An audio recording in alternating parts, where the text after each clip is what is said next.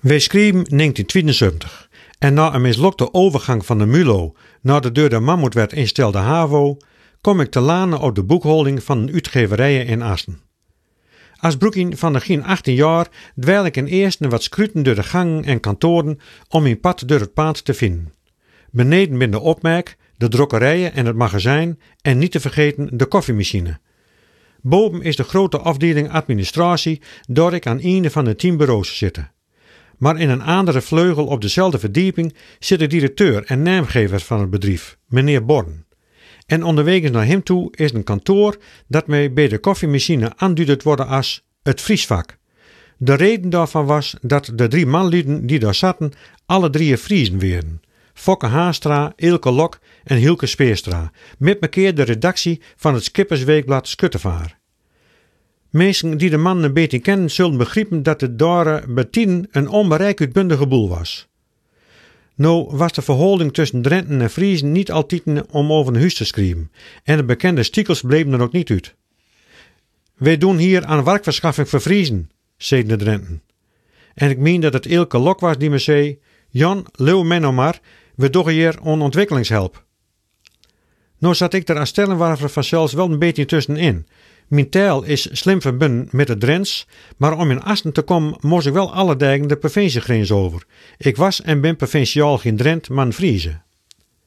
Maar er werden ook momenten dat de speelde vijandigheden overgingen in samenwerken. Dat kwam zo. Zeg, Hielke, we hebben tenminste speelders voor het bedrijfsvoetbal van vanavond. Doe met? Hielke keek op zijn horloge en zegt ertoe komen te zullen.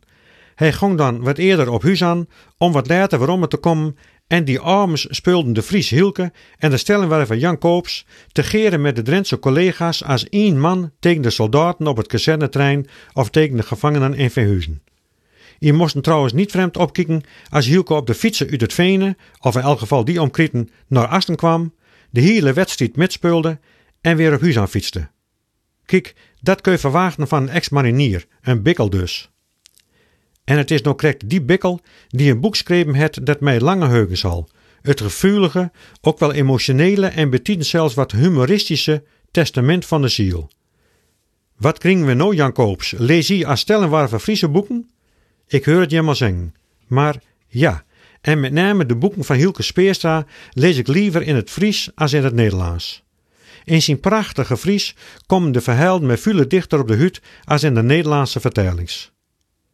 In een vraaggesprek op deze omroep wordt gezegd dat het testament van de ziel zijn magnum opus wezen zal, zijn belangrijkste werk. Nou, dat klopt helemaal. Wat een prachtig boek met schitterende thema en een verrassend plot aan het einde. Kijk, het was er zelfs mooier west als Hielke Speerstra een stellenwerver west hadden. Want in het stellenwarfs heb het nog sterker dat teksten mee in het hart reiken kunnen. Dat daarom kijk ik ook uit naar het nieuwe boek dat morgen uitkomt van Johan Veenstra, de zilveren Anje-winnaar uit Nijholt Ik zet mij erover heen dat het een thriller is, niet mijn favoriete boekensoort. Maar de allitereerde titel doet mij al langer naar Het liek in de lende.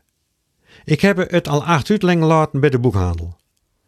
Alle stellenwarvers zal ik aanraden wilden en koop het boek van Hilke Speerstra. Het verhaal, verhaal zijn hem lange heugen. En alle Friesen kan ik, zonder het al lezen te hebben, de nijen van Johan Veenstra aanrecommenderen. Beide manluden kun zo allerheiselijks mooi schrijven in hun eigen taal, dat wat mij aangaat, zullen ze beiden voor hun hele oeuvre de Nobelprijs kringen mogen. No, sa.